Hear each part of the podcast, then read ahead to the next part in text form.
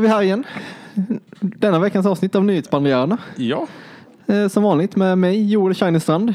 och mig, Maj Magnleda Hallgårde. Välkommen. Tack, tack. Eh, vi kör väl igång som vanligt. Har det hänt något sen sist? Eh, ja, eh, inte jättemycket, men eh, lite grann. Sen senast så var ju du och jag iväg. Ja, just det. En nice helg och bara var i en stuga och spela brädspel och dricka öl. Det var jävligt gött. Ja, det var sådär lagom ansträngande. Ja, det var nice. Uh, enda problemet hände var att jag, min madrass behöver egentligen blåsas upp någon gång under natten. och jag vill inte störa alla människor som sover i samma rum så jag bara såhär, nej men jag biter ihop och kör va. Så jag låg där typ halvvägs ner i madrassen när morgonen kom liksom. Ah, du var aldrig nere i golvet liksom. Nej, precis. Eh, och sen uh, övrigt så har det mest varit arbete. Men jag var på, på hos läkaren i måndags. För min hud. För jag har eksem, för er som inte vet om det. Ehm, och eh, vi pratade lite grann om det här att jag har fått strumpor. Det låter så jävla hokus På pokus. recept. Det är rätt sjukt att få strumpor på recept liksom. Men det är för att eh, man har någon form av zink, zinkinlagda strumpor. Jag vet inte exakt hur de Alltså här börjar det bli så här voodoo och... Men det ska tydligen vara bra för att det lindrar klådan och det, framförallt så låser det ut eh, typ händerna från att klia på fötterna när man sover. Men det hade inte vanliga strumpor gjort. Jag vet inte. Men det här ska vara bra. Jag får testa om det funkar. Funkar det inte så får jag säga att det här fast, passar, funkar fan inte alls. Så jag får ju Fattar. testa liksom. Jag kan inte bara säga att det inte funkar innan jag har testat. Nej, du får väl ge den en ärlig chans. Liksom. Ja, men nu har jag fått, nu har den kommit till, de tydligen var de slut på apoteket så de används ju av någon annan också. Ja, men då så. Eller så används de av ingen så de har den till lager. Ja, så kan de också. Antingen används alla eller inget. Men det är också lite, lite mer seriöst när det är receptbelagt. Ja, men precis. Eh, men man tänker om det hade varit så här. Gå till den här indianbutiken som säljer, säljer drömfångare och zinkstrumpor. Kanske man hade varit lite mer skeptisk. Ja, eller e-handelbutiken som säljer typ tantrastenar och all möjlig skit. Liksom. Ja, eller så här wish.com. Ja, nej, det är så här. Men det, nej, men det är väl det som har hänt. Och sen har jag en liten grej som jag har observerat. Som jag tyckte var lite kul att prata om. Ja, Jag tror att du uppskattar den också. Ehm, för vi pratade förra veckan, tror jag, eller om det var förra, förra veckan vi pratade om att ändra kalender. Till eh, den svenska kalendern och det här. ja, det var förra veckan. Ja, förra veckan. Ehm, och lite på samma tema då. Så eh, Benjamin Franklin är ju känd för ganska mycket grejer. Ja, verkligen. Eh, och en grej som han är kanske mindre känd för, men som han gjorde, var att försöka införa ett nytt alfabet. Va? Ja, eller egentligen så är det inte inför- införa ett nytt alfabet som så, utan det är ju egentligen att ta det alfabet vi har och göra det bättre. Alltså detta det är så sjukt. Jag och Christmas diskuterade detta nu när vi var i Åre. Att alfabetet suger. Ja, hans eh, logik var i alla fall att det första man skulle göra var att ta bort C, J, Q, W, X och Y, för de fyller ingen funktion överhuvudtaget. Det är så jävla på. Ja, Så att, och det kan jag ju egentligen köpa liksom. Alltså, för att han menade ju att eh, C till exempel har ju två ljud. Det är ett K-ljud och ett S-ljud.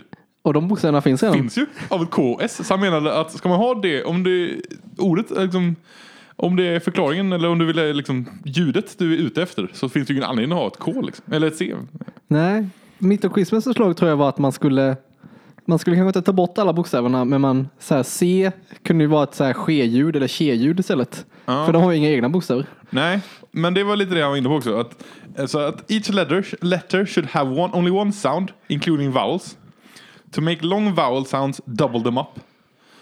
Så man tar liksom Ah. dubbla O för en längre O. För man ska ha längre saker så får man dubbla dem bara, helt enkelt. Ja, det kan jag också gå med på. Ehm, så istället för OU då som man använder i engelskan så använder man väl OO då, kan jag tänka mig ungefär. Beroende på lite grann formulering, men någonting sånt åt det hållet. Ja, men som cool och Ja. koll. Jag vet inte. Ja, precis. Eh, och sen så har han då sex stycken nya bokstäver för att få ehm, mjuka O, NG, SH och TH. Och eh, en för att ersätta UN och um. Vid, vid behov för detta. Ehm, så det var det han menade att han skulle få liksom ehm, så han, han skapade ett alfabet, eller han tog alfabetet och bara komprimerade det helt enkelt. Alltså framförallt engelskan behöver ju verkligen det. Ja, Där finns ju ord som man kan läsa och inte ha någon uttal, aning om hur de ska uttalas. Typ archipelago, archipelago. Ja, eh, ingen aning. archipelago.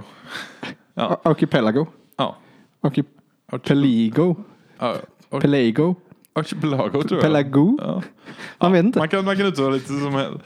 Men... Eh, och jag är, jag är lite för tanken liksom. För lite grann att det han försökte göra var ju det som blev typ internetspråk sen. Alltså när man förkortar saker snabbt och man gör, skriver D istället för DE eller DET och liknande liksom. Så han gjorde ändå mer så här, det var ju lite mer strukturerat sätt att göra det som folk redan använder nu. Så han var ju en textare innan text fanns liksom. Ja, fast det håller jag inte med om. Det så här att man skriver D, bara bokstaven D istället för DE. Ja. Det är ju, det tycker jag är dåligt. Ja, ja. För- Jag, jag håller inte med om att man, det man gör, jag håller med om principen bakom det. Att man förkortar, gör saker effektivare liksom. Nej, fast där är det mer förvirrande. För bokstaven D, det ska ju vara, bara vara D-ljudet liksom. Ja, ja jo. jo. Om Eh, den helt plötsligt kan vara både D och D så blir det skitjobbigt. För det finns ju ord som börjar på DA till exempel. Då vill du fortfarande ha D-ljudet, men du vill inte ha DA. Ja, jo, jag, jag, jag, så jag, jag köpte, det var, det var ett dåligt exempel. Mitt exempel var att effektivisera eh, ju- ordet, eller eh, bokstäverna, för att skriva snabbare saker. Det var ett jättedåligt exempel. Ja, okej. Ehm, men tydligen så gjorde Isaac Newton samma sak. Han försökte också utveckla eh, alfabetet. Men jag eh, har inte läst på om exakt vad det var jag gjorde. Så jag hittade den här artikeln. Jag, jag har tänkt på den här hela veckan men inte läst på vad det faktiskt innebar. Jag hörde det i en podd för några dagar sedan. Eh, jag hörde inte i podden om själva att han ändrade alfabetet. Utan jag hörde en reklam för att de skulle diskutera det här faktumet i en podd. Ja, Så jag vet inte vad de sa om det. spännande. Ja, så jag får lyssna på den podden. Ja. Vill du credda den podden också eller? Eh, den heter How Stuff Works tror jag. Nej, det är en del av How Stuff Works. Eh, de har så jävla många poddar på det nät- nätverket så jag vet inte om det är just den originalpodden eller om det är något Ja, deras. men de har väl lämnat någon form av cred i alla fall. Ja. Daily Sightcast kan jag rekommendera på samma nätverk. Det är typ det vi gör fast eh, dagligen. Som är 40 minuter långa avsnitt. Mm. Kan inte göra reklam för våra konkurrenter man. Det är skitdåligt för vår verksamhet. Ja men de, eh, de pratar inte lika länge liksom om varje sak. De pratar ju mer om så här, många nyheter kort och så pratar de liksom bara, och det är verkligen bara exakt det som hände sen igår liksom. Och mycket mer mainstream nyheter. Ah, jag fattar. Men det är en nice, nice podd. Nice. Problemet är att komma ikapp med en daglig podd dock. Är lite så här att man, Ja, det är tungt. Om man inte lyssnar mer än två avsnitt om dagen så ligger man ju liksom, kommer man ju aldrig fatt. Eller om man liksom mer Om än- du lyssnar på två avsnitt om dagen så kommer du Ja, ge då- fatt till då kommer slut. fatt. Men om du bara lyssnar på ett avsnitt eller möjligen ja, max två avsnitt om dagen. Så finns det ju risk att du inte kommer ifatt liksom. Ja, Man får ha ett bra mål bara. Framförallt om man vill komma ikapp för att lyssna på nya nyheter liksom. Då måste man ju verkligen jobba på det liksom, för att komma ikapp. Kan man inte både lyssna på de nya och försöka komma ikapp liksom? Ja, jag får, jag får börja göra det kanske. Så från och med nu, alla nya som kommer får du lyssna på och sen när de är slut så får du börja lyssna ikapp. Liksom. Ah, så kan jag. Ja. ja, får se hur jag gör. Själv då? Vad har hänt sen sist? Eh, nej, inte så, så mycket. Samma som dig ungefär. Förutom att jag inte varit hos hudläkaren. Ja, det vore konstigt faktiskt. Eh, jag var på apoteket och köpte sådana här uh, tandpetarfjong-grejer. Alltså, har du varit hos tan- en tandläkare kanske? Nej, men jag, eller någon gång har jag varit det och då har de sagt använd sådana och så var de slut. Ah. För att eh, mitt apotek slutade med de jag brukade ha och hade någon annan variant. Som skulle, eh, de verkar lite mer hypade. De hade massa mer funktioner. Men de hade också den här featuren att när man försöker trycka in dem mellan tänderna så går snöret av. Det var inte bra alltså. Nej, Det är ju skit, eh, skitdålig feature. Ja, det Så de, de tog slut ganska snabbt så jag fick fylla på lagret. ja, och det gjorde inte så mycket då kan jag tänka mig. Eh, nej, det, eller man kunde säga ibland var det ju tur liksom. Så man kunde köra så här två, tre tänder. Och sen så här, längst fram så är lite glesare mellan tänderna så där var det inga problem liksom. Ja. Men det gick ju åt fyra, fem stycken per, per gång man skulle gå igenom munnen liksom. Ja, det är sitt. Eh, men sen så har jag också läst, läst på om en helt annan grej. Ja, Eh, du känner till Åsa-Nisse, den Japp. seriefiguren. japp. Uh, känner du till skaparen? Att de finns ja. Ja. Eller fa- eh, jag tror han är död. Fanns. Jo, han är nog ganska död. Stig Cederholm. Men visste du också att Åsa-Nisse skapades eh, när eh, Stig satt på psyk mentalsjukhus? Nej, det visste jag faktiskt inte. Eh, den här mannen verkar ha varit ganska galen. Um, utan uh, jag läser, det här är källa, någon snubbe på Facebook. Uh, väldigt mycket av det här är bekräftat i, eh, på Wikipedia-sidan också. Um, så um, han um, um, 1941 så tog han förvärv av sin hustru Rut och sin ettårige son Kenneth för att han skulle till Oslo några dagar.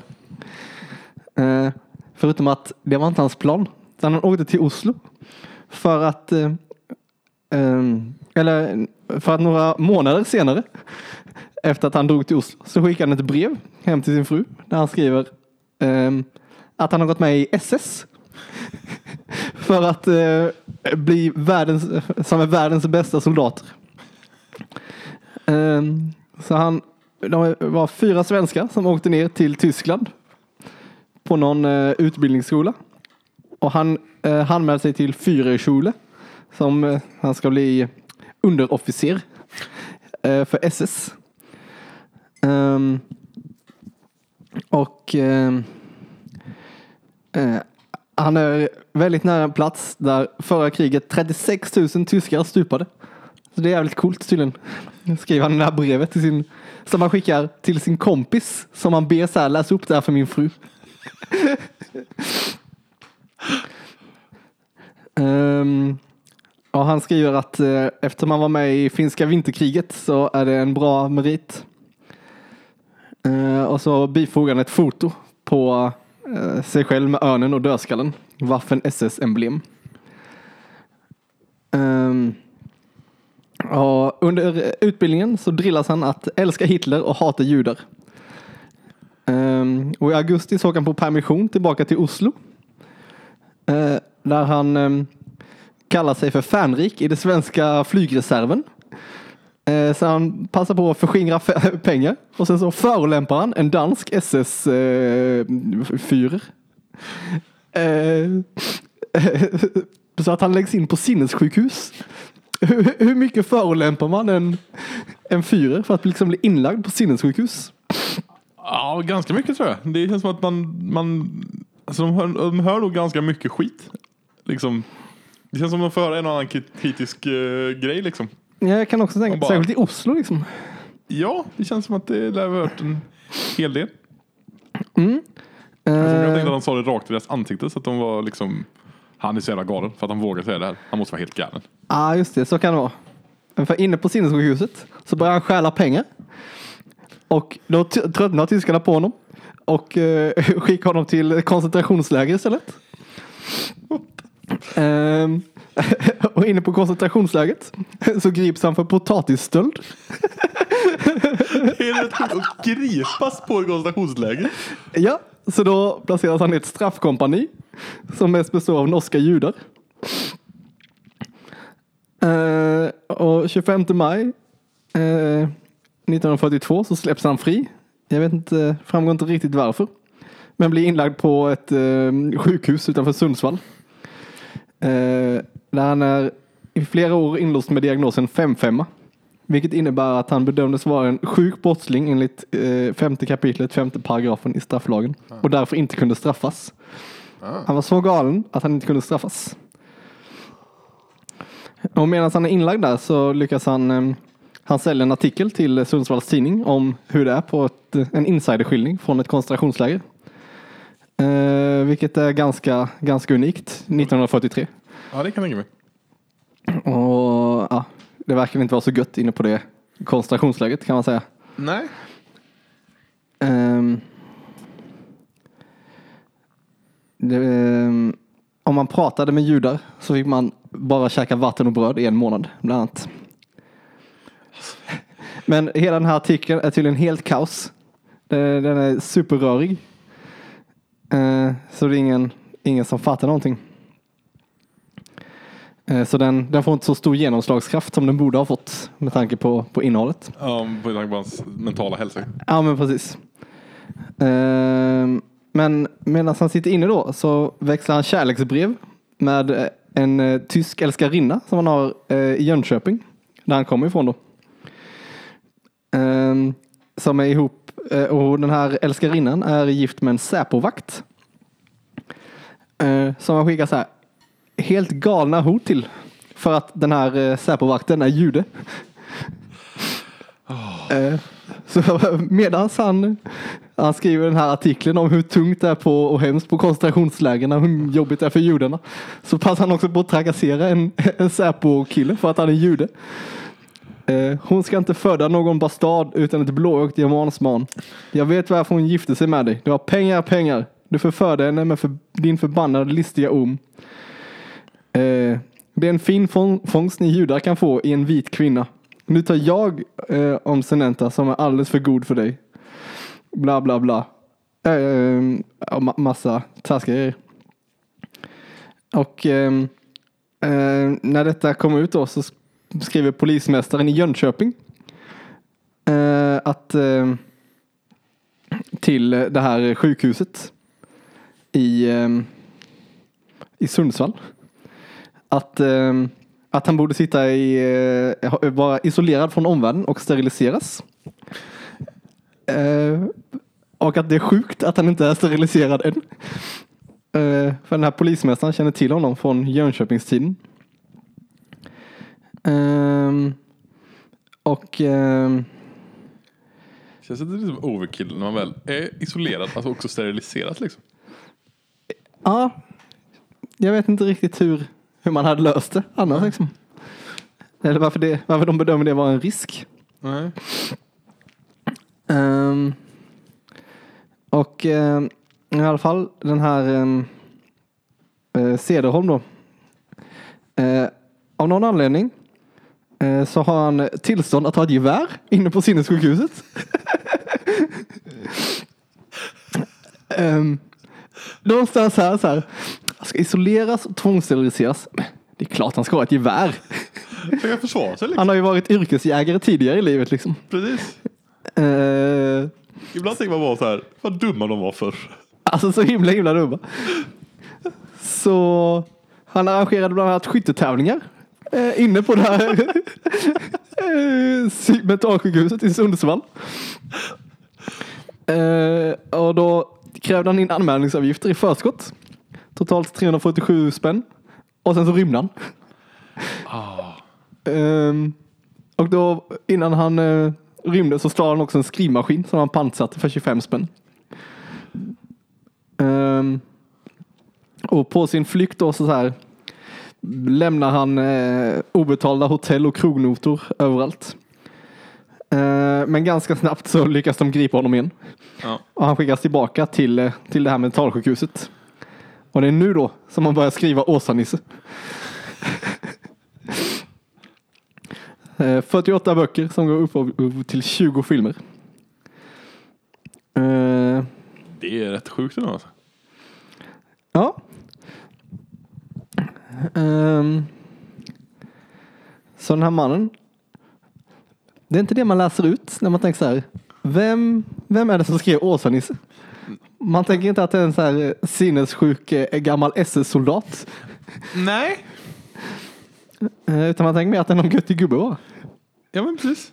Han verkar inte vara, göttig verkar inte vara ett ord som man vill tillskriva den här mannen. Nej, jag skulle inte säga det heller. Men jag kan ju inte säga att jag... Alltså jag vet ju vem Åsa-Nisse är, eller jag har hört talas om Åsa-Nisse. Jag vet inte riktigt. Så här, Åsa-Nisse är sån, det är sån tv, alltså film som gick på tv när man kom hem, på SVT när man kom hem från skolan när man var lite yngre. Ja, typ. Det är en sån typisk pilsnerfilm. Ja. Vi läste väldigt mycket Åsa-Nisse när vi var små. För jag vet pappa och hans bror hade mycket Åsa-Nisse. ja, jag har läst. Och då fick man liksom, hade farmor och farfar det hemma.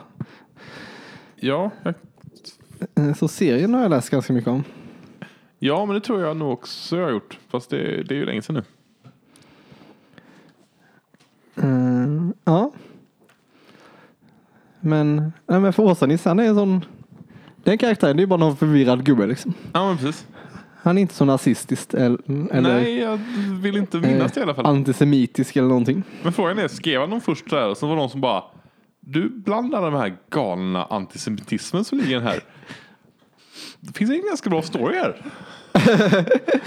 De fick så här, han lämnade in 400 sidor bara, det här blir en 90 sidor serietidning. Precis. Därför blev serietidningen bara så här. Alltså. Grundstoryn, ganska bra. Ta bort det här liksom överliggande judehatet. Det liksom, blir det någon mänsklig grej. Precis. Bara, ja, han har ju inte så många laster mer än att han, ja då, är det liksom. Eh, ja. Ja, jag tycker det var intressant att läsa, läsa om honom. Den här Bosse Schön var det som hade lagt upp det på Facebook. Så kan jag väl credda honom. Eh, det var Framförallt tycker jag det är så sjukt att han fick ha det här geväret på sinnessjukhuset. Det tycker jag, alltså av alla grejer så är det så här, den lilla detaljen är den sjukaste liksom. Ja, alltså det, det, andra är man väl tyvärr lite van vid. Allt det där nazismen och det antisemitiska liksom. Jo, det är, Eh, det är inte så, liksom så, så udda egentligen, tyvärr. Man vill ju att det ska vara udda. För det är en jävligt Ja, men precis. Liksom. Men det är ju tyvärr liksom så här, det fanns ju nazister. Och det fanns ju svenska nazister. Det finns fortfarande svenska nazister. jo men Det är inte precis. så att de har gått någonstans. Men eh, ja, så i dagens samhälle det är lite mer främmande att bli inlagd på sinnessjukhus och få ett gevär med sig. Ja, alltså jag, bara här, jag ser bara den framför mig och bara Ja men du vet som man kommer in på fängelse det är så här, i eh, Hollywoodfilmer när man bara tömmer liksom av alla här grejer i en liten låda. Ja, just det. Och han bara Ja och så har jag det här geväret också. Ja men det får du ta med dig in. Hur farligt kan det vara liksom? Ja men precis. Det får inte plats i den här lådan så han bara, ah, ta med det.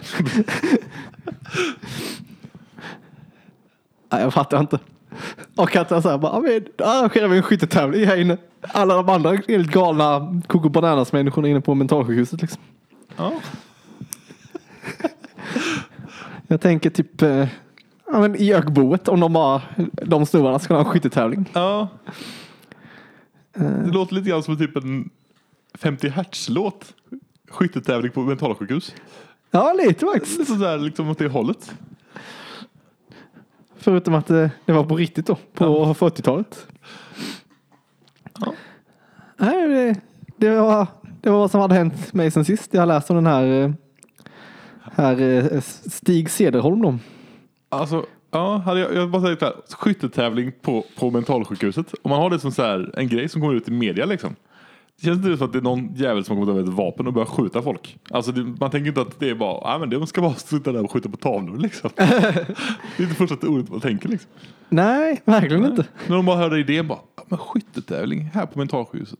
Ja men det låter trevligt.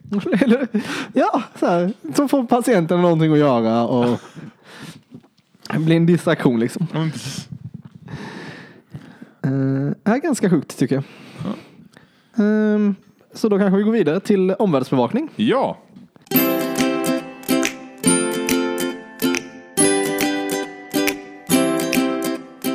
Ska jag börja då? Ja, det tycker jag. Ja, ehm, det var ju liten missilscare på Hawaii häromdagen. Ja, just Som du det. kanske hörde. Så jag tänkte inte prata om det. Jag tänkte prata om porr. Ah, jag vet precis vad jag ska prata om. Men Ja. du kanske ska recapa den här missilscaren. Ja, precis. För på Hawaii för eh, den 13 januari så kom det ett meddelande till alla, eh, alla boende på Hawaii att de fick 8.07 på morgonen på en lördag. Det är en väldigt läskig tid att få meddelande. Så var- sa det att ja, det är ett missilhot mot Hawaii. Det här är inte en övning. Eh, så det blev lite panik. Ganska sjukt. Blev en stor nyhet i Sverige eftersom eh, Parnevik-familjen var där. Aha. Men eh, i alla fall.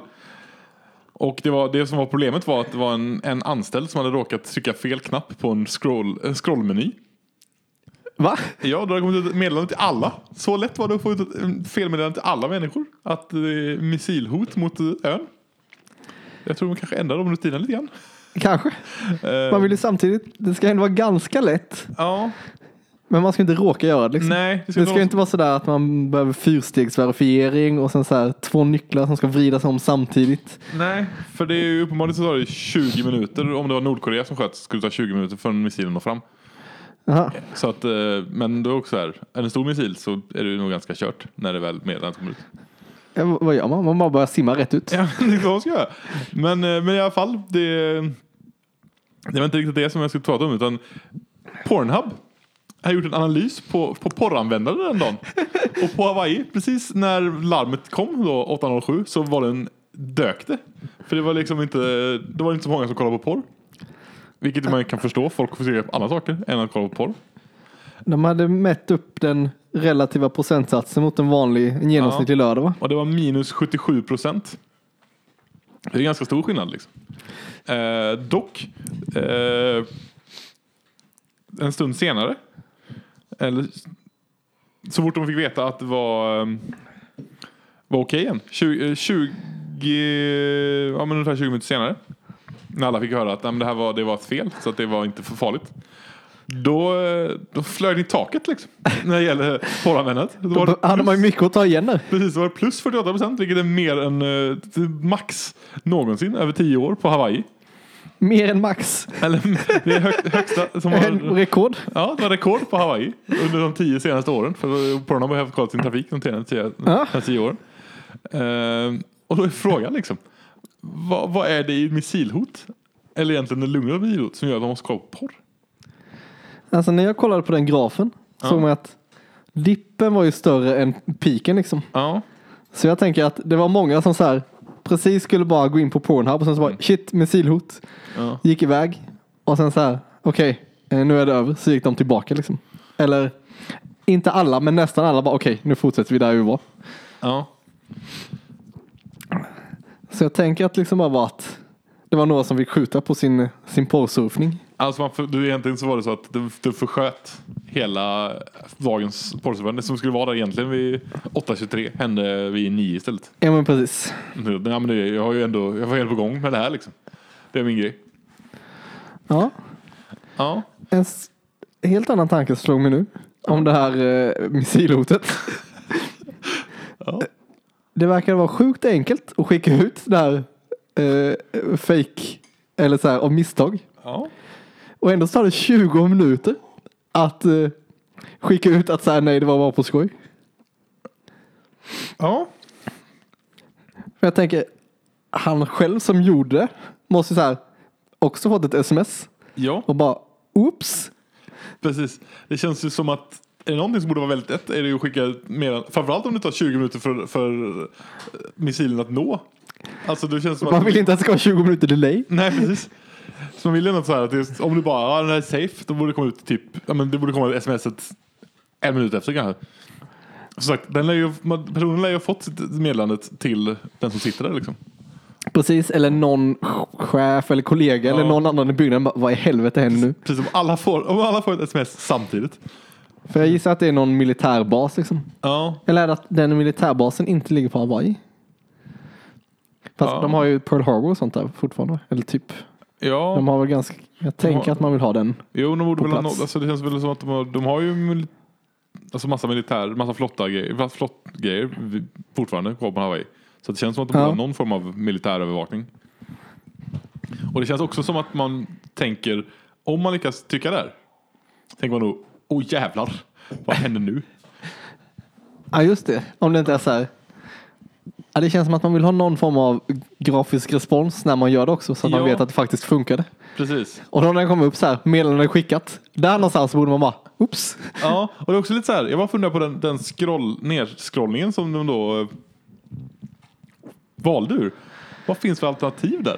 Om ett av alternativen är skicka meddelande till alla här att det är missilhot.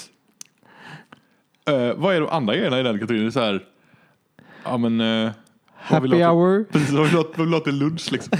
Men så här, vad, vad, vad, vad, innehåller scrolllistan som innehåller missilhot till hela Hawaii? Jag tror det är mycket interna penisskämt. Att så här, smsa min polare. Eh, random dickpic från Google. Ja, jag hoppas det. Fast att det är liksom lite så här, finns risk att man alltid skickar ut ett uh, missilhot till hela ön. Liksom. Eller chans. Om man vill sätta rekord på Pornhub. Ja, precis. Ah, det var kanske Pornhub som eh, hade koll på det. Fast, ja. Jag vet inte. Jag vet inte ens vilken poäng jag vill Jag, vet, med. jag vill inte riktigt att Pornhub ska vara så involverad i den amerikanska militären på något Nej, sätt. så- jag känner också att det vore lite läskigt. Jag hoppas inte det.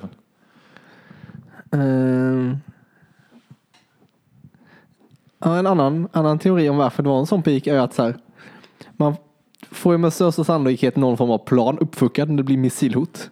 Ja, Så då bara, ah men nu har jag en halvtimme över liksom.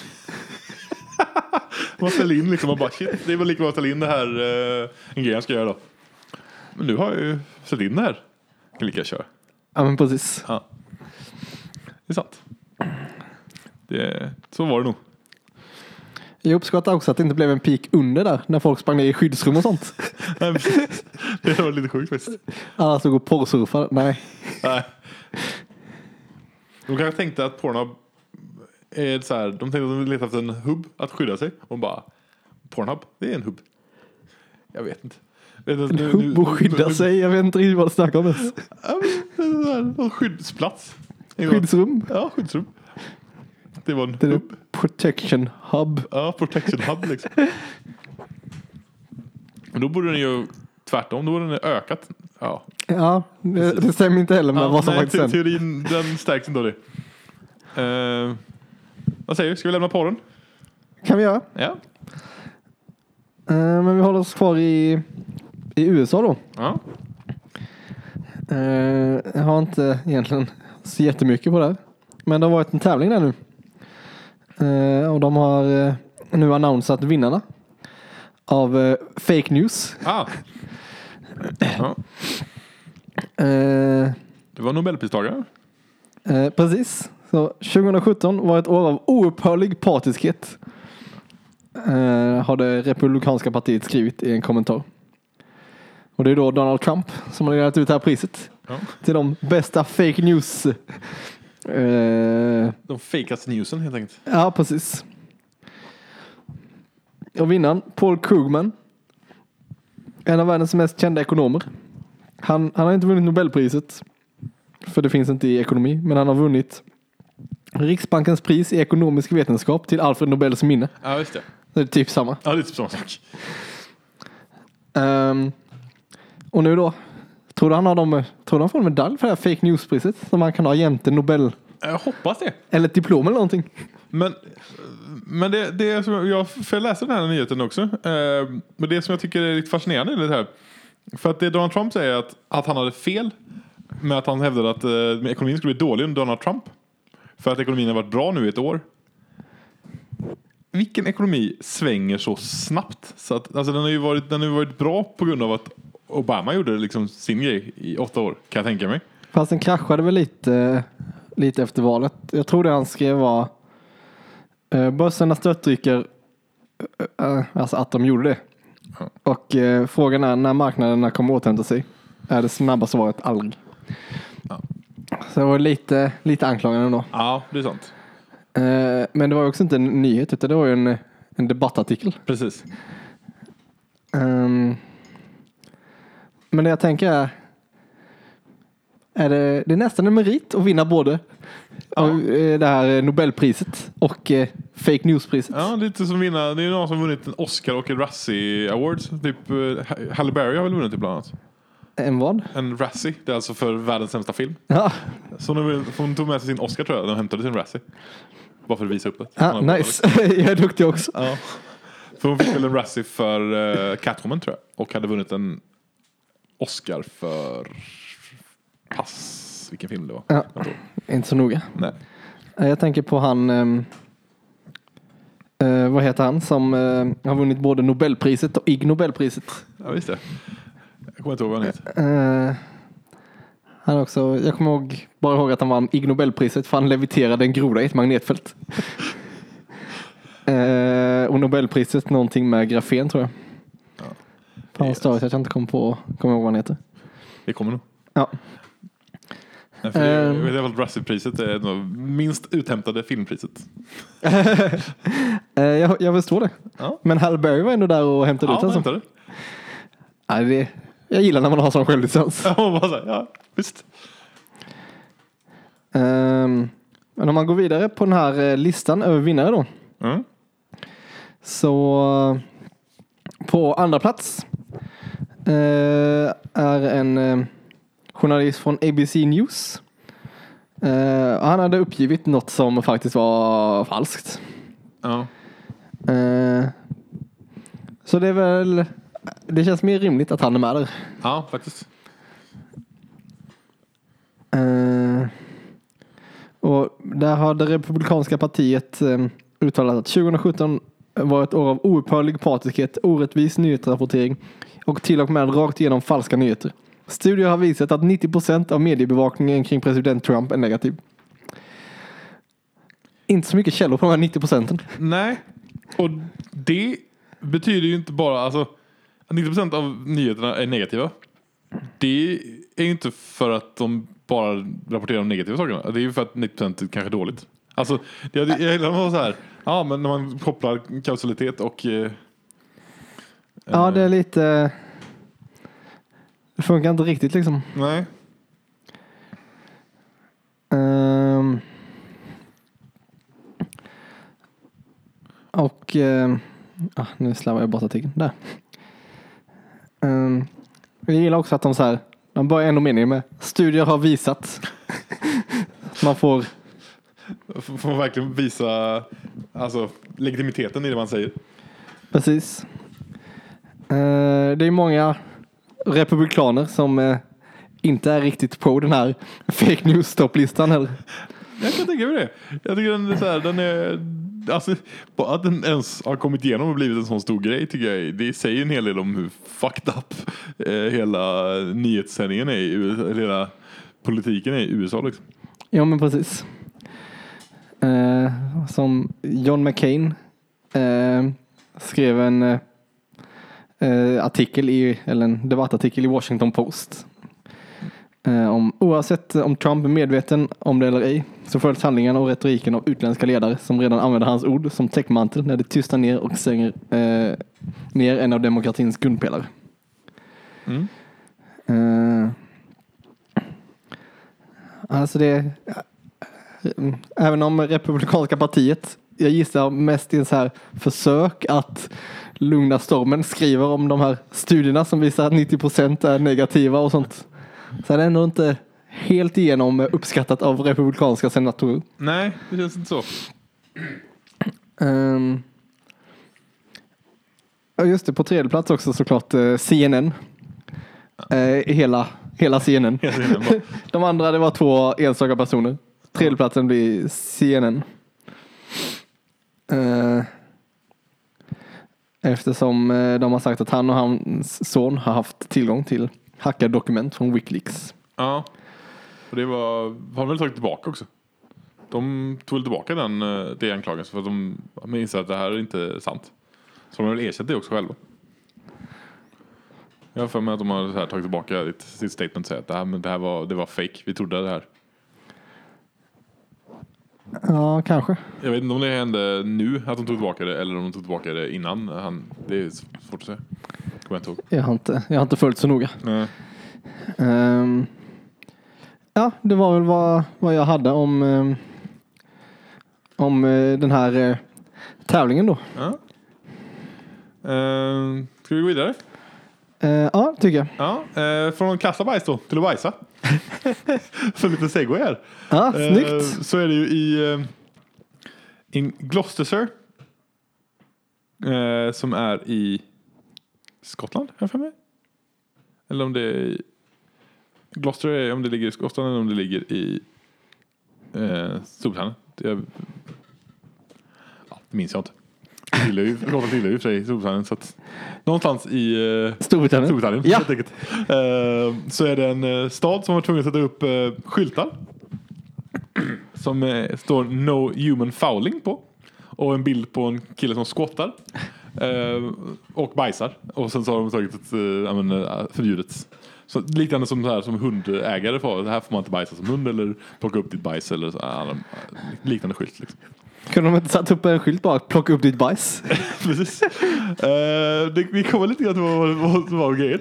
Men uh, grejen är att för det som var problemet var att vid busshållplatser i hela den här, de här två, två olika små städer så, eh, så har de hittat mycket människobajs. Vilket är så här. Om man hittar höga med bajs är det jobbigare att plocka upp människobajs än hundbajs egentligen? För att problemet är då att det är de som ställer upp det tycker det är jävligt jobbigt att plocka upp människobajs. Är det jobbigaste att man identifierar det sådär? Ja. Det här är människobajs, det där är hundbajs. Precis, jag är lite så här. Det var lite det jag var. Hur? De har kollat för mycket på myror i brallan. Ja men lite så, man, man bara så här. Kollar man så noga så bara, "Ja, men det här är ju människobajs. Eller luktar man på det annorlunda eller smakar man på det liksom? Eller vad- gör man för att se på det Eller analyserar så här. Och jag, Alltså om de smakar på allt bajs och försöker identifiera vilket djur det kommer ifrån så förstår jag att de inte... ja. Men, men i alla fall, det, så att de har tagit upp skyltar för att de har haft problem med folk har bajsat vid bussplatserna. Ehm, och de tänker att de här skyltarna ska hjälpa. Vilket jag tycker är lite, lite så här oklart. Alltså det känns som att om man är så desperat att man bajsar vid busshållplatsen. Bryr man sig mycket om det står en skylt som säger att man inte får göra det då? Alltså jag kan tänka mig att man går lite längre bort kanske. Ja, jag kan tänka mig att man kanske såhär, Man fly- Jag tror de mer flyttar problemet än löser det. Ja, precis. Jag tror inte liksom att... Eh, men de menar i alla fall att det har hjälpt. Att de sätter upp de här skyltarna. Eh, och det bästa jag tycker med det här är att då, när de bestämde att de skulle göra de här skyltarna så var det ju en liten stackare som fick sätta ihop designen för skyltarna. Så han har legat tid på att göra massa olika människobajsskyltar för att se vilken som passade bäst att sätta upp.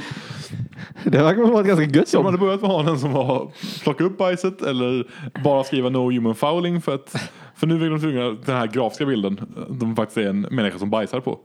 Så, eh, och den hade gått igenom med 100% av rösterna. Oj. När, det- när det väl eh, valdes. Ja, men det känns som man vill ha det grafiskt också. Liksom. Ja, Turister och sånt. och jag, jag är liksom så här. Alltså det är fortfarande, jag, jag, jag, jag, jag tror ju kanske inte riktigt på att man löser grundproblemet om jag sätter upp en skylt. Som frågan om de skulle sätta upp eh, säkerhetskameror eller kameror för att filma. Eh, vilket är lite, lite overkill kanske för att bara kolla vem som bajsar vid bussplatsen. Och, Och vem ska sitta och kolla igenom de här filmerna folk som bajsar? Det verkar inte heller så nice jobb. och jag så här, det måste vara ett ganska stort problem då för att det ska vara värt det liksom. Att det är så här. Men några skyltar kan man sätta upp. Det, är, det kan man bara sätta upp. Okej, Ja. skärpa liksom. Men just det här att. Okej, sätta upp kameror och sen så när det väl händer så här. Nu ska jag sitta och kolla på alla människor som går förbi tills hittar de som bajsar. Det farliga med den skylten också är att det lite implicerar att det är okej att bajsa överallt annars. ja men precis, det är lite så här. Man, man säger så här bara. Okej, ni får bajsa på gatorna på offentliga platser. Men just i bussplatsen, där händer det inte. Inte liksom. där. Det är off limits. Precis. Så att, eh, så det är ingen sån skylt. Så på bussen finns det ingen sån skylt, antar jag. så att de var så här, fan jag är så jävla bajsnödig. Flyttar problemet till att folk börjar bajsa på bussen. Precis, jag bara, ah, fan. Men bussen kommer snart, jag, jag får bajsa på bussen helt enkelt. Det känns inte så värt på något sätt. Nej. Men det känns också så här obekvämt att stå vid den busshållplatsen. När någon sätter sig bara. Eh, man står där i kuren, det kanske regnar lite. Någon reser sig upp och går ut, sätter sig utanför och bajsar. Ja. Det är fortfarande så här. När händer det liksom? Händer det på natten? Det är inte så många som är där. Liksom, det känns inte så att så här. Jag tror att om, om jag skulle stå vid en busshållplats och det skulle stå, ställas till någon bredvid busshållplatsen och gå och bajsa. Jag bara. Alltså du. Eller hade man gjort det? Det är frågan. Alltså någon som verkligen bajsar vid bussplatsen. Man känner bara så här. Okej, det är någon jag inte ska prata med överhuvudtaget. Så Ja, det jag är nog som- med mer åt det hållet. Som bajsar vid bussplatsen. Men, ja. Ja, precis. Men jag är fortfarande så här. Om man verkligen så här, ja, jag måste verkligen bajsa. Och så, så, är man på bussplatsen och så märker man, "Ja, men här står ju en skylt, här får jag inte bajsa. Blir man då så här, nej jag går härifrån. Ja, men om det är så här 100 meter bort så är det en liten skogsdunge eller någonting. Ja, Kanske man hade gått dit liksom. ja det är också lite så här. Alltså det, det väl, Det hade man nog gjort från början. Jo, det är lite så jag bara så här. Om, om det är så akut som någon som bajsar vid busshållplatsen liksom. Då tror jag inte det hjälper med en skylt fortfarande. Alltså jag tror inte att det löser grund. Jag tror så här. Det är väldigt få som bara, ja, men jag är lite bajsnödig. Jag är lite, jag är lite så bajsnödig för att komma hem och gå och bajsa. Men jag tänker inte gå bort till den där bussen borta. För jag bajsar här, för det är okej. För att jag vet nämligen att så länge det inte står en skylt så är det okej att göra. Liksom. Man vet inte när bussen kommer så man vill liksom vara där så att bussen stannar. Men Stannar bussen och plockar upp folk som sitter och bajsar. Ja, precis. Så då är frågan om man ska ha bättre information när bussen kommer istället. Så man vet, ah, men jag har fem minuter på mig, då kan jag gå och bajsa här i skogen istället. Ja men det kanske är lite så här på landet så att den, den Ja. kommer när den kommer liksom. Eller så här plus Men minus är det fem minuter eller något att sånt. folk bajsar vid hållplatsen om det är på landet? Det kanske bara är medel på landet. Ja, mitt emellan på landet liksom. Lite utanför stan. Lite utanför stan. Men inte ute på landet. Okej. Ja, då, så, det, så är det antagligen. Men eh, vi får se, fortsätta se om, de, eh, om det slutar. Jag är fortfarande så förvirrad över de här st- mm, s- mm, städerna, eller vad kallas de? Som går runt och gissar bajset. Ja, precis. Jag är också lite sugen, sugen på att veta vad, vad, hur de gör liksom. Kör de så då? Den ena var, ey kolla på det här bajset så här. Gissa bajset. Och ingen utav de andra. Alla bara, ah, eh, NO människobajs, eh, hundbajs. Och ingen stannar och frågar, varför ska vi gissa bajset? Och det är också så här, alltså om man städar, om man plockar upp hundbajs, vilket så jag ser inte hur det ska vara jobb, mycket jobbigare att plocka upp. Jag vet inte om man är så jättelös i magen så det är bara en sås typ. Ja. Men det är ju äckligt vilket djur det är. Liksom. Ja, sant. Men, eh, men det kanske är så pass lite att folk är så duktiga på att plocka upp hundbajs generellt. Men dåliga på För, människobajs. ja, för det är väldigt få eh, icke-hundägare som har med sig en bajspåse för att kunna plocka upp sitt eget bajs. Liksom. Jag tror även det är väldigt få hundägare som har med sig en hundbajspåse för att kunna plocka upp sitt eget bajs. Så här, jag tar en extra ifall jag också behöver bajsa. Ja, men det finns ju större sannolikhet att en hundägare råkar ha en påse med sig även om du inte har en hund. Liksom. Ja, För att det är så här, hundägare gör ibland, ja, men jag, oh, jag ha en påse i jackan. ja men när jag har varit hundvakt då har jag ju en i fickan hela tiden. Liksom. Precis. Så att eh, så om en hundägare väl behöver en påse så hade de ju kunnat plocka upp. Och jag känner också att de har mer rutin på att plocka upp saker. De skulle kanske bara satt en sån hundbajspåse dispenser. Ja, precis. Eller inte hundbajs då utan människobajspåse. Precis, en bajspåse-dispenser helt enkelt. En bajsdispenser. Nej. det var det problemet de ville komma bort ifrån. Bajspåse-dispenser. Uh, ska vi lämna diskussionen om bajs nu? Ja, det tycker jag. Ska vi ta en sista eller? Ja, jag kast, klämmer in den sista. Ehm. Postnord. Ah, nice. jag har längtat. Eh, men det är inte så mycket Postnord eh, i den här nyheten egentligen. Utan det är mer importkaset från Kina. Och eh, att det är ett problem för Teknikmagasinet. Okej. Eh, för det kommer cirka 120 000 brevförsändelser varje dag från Kina. Mhm. Ehm, och eh, det ska man betala tull för. Mm. Eh, men det gör inte folk. Och det är ett stort problem för Teknikmagasinet. För att de måste betala tull och lägga på moms och grejer. Så Ah. de kan liksom inte konkurrera med det. Ah, jag fattar. Ehm, och eh, här är det då eh, det är Postnords bild i det här är att de har missuppfattat reglerna och fått för sig att allting under 22 euro kan lämnas ut till beställaren. Eh, för egentligen så här har postombudet liksom, de måste kolla upp att moms och tull är betalt innan de lämnar ut paketen. Okej. Men de fick för sig att det fanns någon sån här 22 euro regel. De har hittat på den inget. Eh, uppenbarligen. Så har hon lämnat ut massa grejer. Eh, men så är det inte. Och för att betala tull och moms på detta ska man skicka ett brev och fylla i rätt blanketter och skicka in till Tullverket. Mm. Har Tullverket kapacitet att hantera 120 000 brev om dagen? Nej, det tror jag inte. För att lösa det, det verkar skitdumt. Ehm. ja, man ska, man ska eh, skriva ett brev och skicka med de handlingar man har som kvitton eh, eller en faktura. Eh, och sen så diarieför de brevet och sänder ut en tullräkning. Och när den är betald då, då får eh, postbolagen leverera paketen.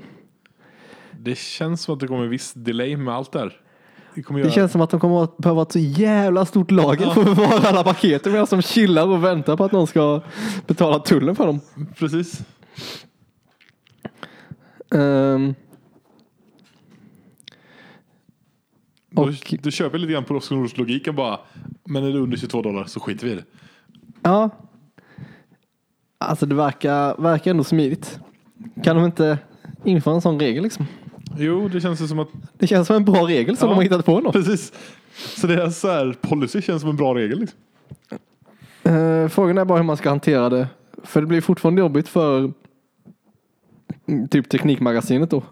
För de köper nog sällan grejer från Kina för mindre än 22 euro. Nej, det är sant.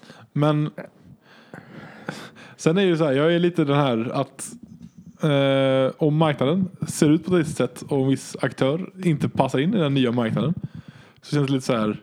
Varför har vi den aktören? Liksom? Precis, ska man införa tull då på alla som tycker det ganska, det här systemet är ganska bra? För att Teknikmagasinet inte tycker att det är nice liksom. Eh, nej, jag tycker inte... Jag tycker inte att Teknikmagasinets problematik ska drabba Tullverket för att det är en tull som egentligen är ganska onödig. En onödig process för att få en tullgrej på små, på små inköp liksom. Ja, alltså det, det enda problemet här är att det var ju ehm, sjukt mycket pengar som eh, försvinner i skatt liksom. Ja. Eh, hundratals miljoner kronor. Eh, och det ligger väl ändå på något sätt, eller så här om man inte behöver betala tull för småinköp, kanske det försvinner ännu mer pengar. Men, men då måste man ju på något sätt effektivisera tullinköpet. Alltså tull, tull, att man betalar tull liksom. Ja, det känns som det, det, borde- bästa liksom. Det smidigaste hade ju varit för att att man betalar, att, man, an- att det kommer någon automatisk avi när man köper någonting. Problemet är väl i och för sig, då måste de ju veta vad det är man köper in. Jag funderar på om det kan ligga på exportören på något sätt. Ja. ja jag funderar på hur man ska, alltså det hade ju varit smidigast hade ju varit om det på, precis, på paketet stod det här är produkten, så här mycket den kostat. Att det var tvunget att så, typ så för att få skicka det till Sverige eller någonting. Att man fått några nya regler. Att så här, ja ja, det här är vad det är. Det känns ändå som det borde vara någon form av indikation på vad det är man säljer. I import. Jag vet faktiskt inte riktigt vad som måste stå på ett paket. Ja, ja, jag har ingen aning. Men det måste vara någon form av deklaration på vad som är i tror jag. Mm, precis. Ja, det känns som att om man är lite mer insatt i de här grejerna kanske man kan komma på en lösning som Ja. inte involverar att man ska skicka ett brev med kvitto till Tullverket som ska diarieföra dem och sen skicka en faktura. Nej, det känns väldigt opraktiskt. För det känns som det borde kunna komma en, då en tull, om det är en schablonsiffra baserad på vad kostvärdet är. Liksom. Om det är så. Det beror lite på vad det, vad det finns för, eh, alltså det finns andra regler. Men det hade ju varit det smidigaste egentligen. Hade varit att, ja men kostar den 22 dollar så är det en skatt på eh, någonting. på någonting. En dollar eller något. Någon, någon form av eh, threshold. Ja, Under 25 dollar, en dollar. Och så vidare. ja. Ja, jag, jag har inga, inga bättre förslag. Ehm. Eh, utan det, Men, men jag ser ju sagt fortfarande som mer som en problematik för, för skatteintäkterna än för Teknikmagasinet. ja, ja men det, det håller jag med om. Uh, Teknikmagasinet får väl anpassa sig bara. Ja, precis. Jag vet inte när jag var inne på Teknikmagasinet senast. Det är ganska länge sedan. Ja. Mm, jag var inne och köpte någon, något minneskort för jobbet tror jag på Teknikmagasinet. Ja. Nej, jag kommer inte ihåg. Ja. Ehm, men ah, jag vet inte riktigt. Hur mycket mer brev tror du Tullverket kommer få nu? Eh, vet inte riktigt tror jag. Nej, jag tror inte det heller. Det verkar ju inte finnas, eller jag vet inte. Om man inte gör det, vad åker man dit för då? Skattefiffel. Så Ja. nu var det, du har köpt för Smuggling. Är det smugg- smuggling? För smuggling är det väl om man inte betalar skatt och avgifter för någonting. Man Ja, men är det du eller är det Postnord som har smugglat in det? Alltså om de levererar till mig så är det väl, jag har jag inte smugglat liksom. Nej, det är ju uppenbarligen inte du som Ja, har... jag har ju betalt för min produkt. Legitimt liksom. Ja, sen har jag precis. Fraktat den dit. Nej, jag tror det är någon, eh, borde vara någon skattegrej snarare. Ja, Eh, skattefusk precis. på 22 euro då. Ja. 220 spänn, vad är det? 50 spänn moms som du skulle betalt. Ja. Det är inte jättetungt straff på det va? Nej, det känns som det är typ. Eh, ja, det, nej, jag hade inte så mycket mer om detta. Men ehm, eh, ja, jag, jag gillar att Postnord bara hittar på en egen regel. Ja, men, men jag tycker ändå det var lite, lite smart om bara så här. Okej, nu har vi regler. Vad, vad kostar de flesta paketen? Ja, men de är runt strax under, runt 20 liksom. Ja, men sätt 22 så har vi ett barriär. Och så bara trycker ut dem. Utan skit i det, bara kör. Kör, bara kör. För det, det är smidigare liksom. Och jag bara, ja. Men samtidigt har de här andra företagen, typ DHL, har följt reglerna. Jaha. Så det är eh, en från DHL, vd för DHL Parcel i Sverige. Ganska förbannad. Ja, det kan jag förstå faktiskt. Att de är lite sura på att... Eh, När de får ett paket utanför, utanför ett EU-land så måste vi säkerställa att tull och moms är betalda innan vi levererar paketen till mottagaren eller ombud. Eh, och de tror att eh, de hade aldrig kommit undan med, med att hitta på egna regler. Nej, det kan jag för köpa. De granskas nog mycket, mindre, eh, mycket hårdare. Ja, men precis. Ehm, Så det måste ju, det måste ju på något sätt, då måste det införas en konkursklausul för att Postnord måste ju, alltså de måste konkurrera fair också liksom. ja, det känns som det är det rättvisa liksom. Ja, för annars ska man sätta lite press på Postnord som kanske blir lite bra liksom. Kanske. Ja, jag hade inte så mycket mer. Nej. Då ska vi avrunda där kanske. Ja, jag tycker det. Så vi tackar för att ni har lyssnat. Om ni har lyssnat. Ja. Annars hör de inte. Nej, precis, annars är det. Så att, är det fortfarande kvar så tackar vi er. Om det inte är någon som spolat fram till slutet. Man får lyssna på tacket. Tacket. ja, uh, ja. Jag har en sån egoboost. Så här. Jag har haft så himla dålig dag. Så, här. så, så bara, tack, tack. Och man bara, varsågod. Sitter och lyssnar på alla poddar i slutet bara för att lyssna på tacket. Ja, nice. Ja, Ehm, det hörs vi igen nästa vecka. Ja, så får ni gärna följa oss på Facebook. Där finns all info om ni vill veta mer. Eh, där kan man också komma med förslag, skicka hatbrev. Man nu, kärleksbrev. Ja, kan man om man tycker det är nice. Ja, eller vad man nu känner för. Ja, Eh, man kan också stödja oss på patreon.com slash nyhetsbandeljarerna. Eller så kan man betygsätta oss på olika ställen på internet. ja, Eller bara berätta för en kompis. precis. Framförallt det. Jag tror alla har en kompis som inte lyssnar på den här podden. Ja, och alla som har en kompis som inte lyssnar på podden, lyssnar på, säg till dem som lyssnar på podden och så vidare. Så kommer vi alla lyssna på podden till slut. Precis, efter några avsnitt till. Om vi gör där, kör det här konceptet varje gång. Ja, Vi kan kalla det en deal. En paket, paketdeal. paketdeal. Ja, Lyssna en gång, få en gratis lyssning till en kompis. ah, nice. Jag gillar den dealen. Här har vi det. Ja. Eh, Så hörs vi igen nästa vecka. Så får ni ha det bra. Ha det så gött. Hej. Hej.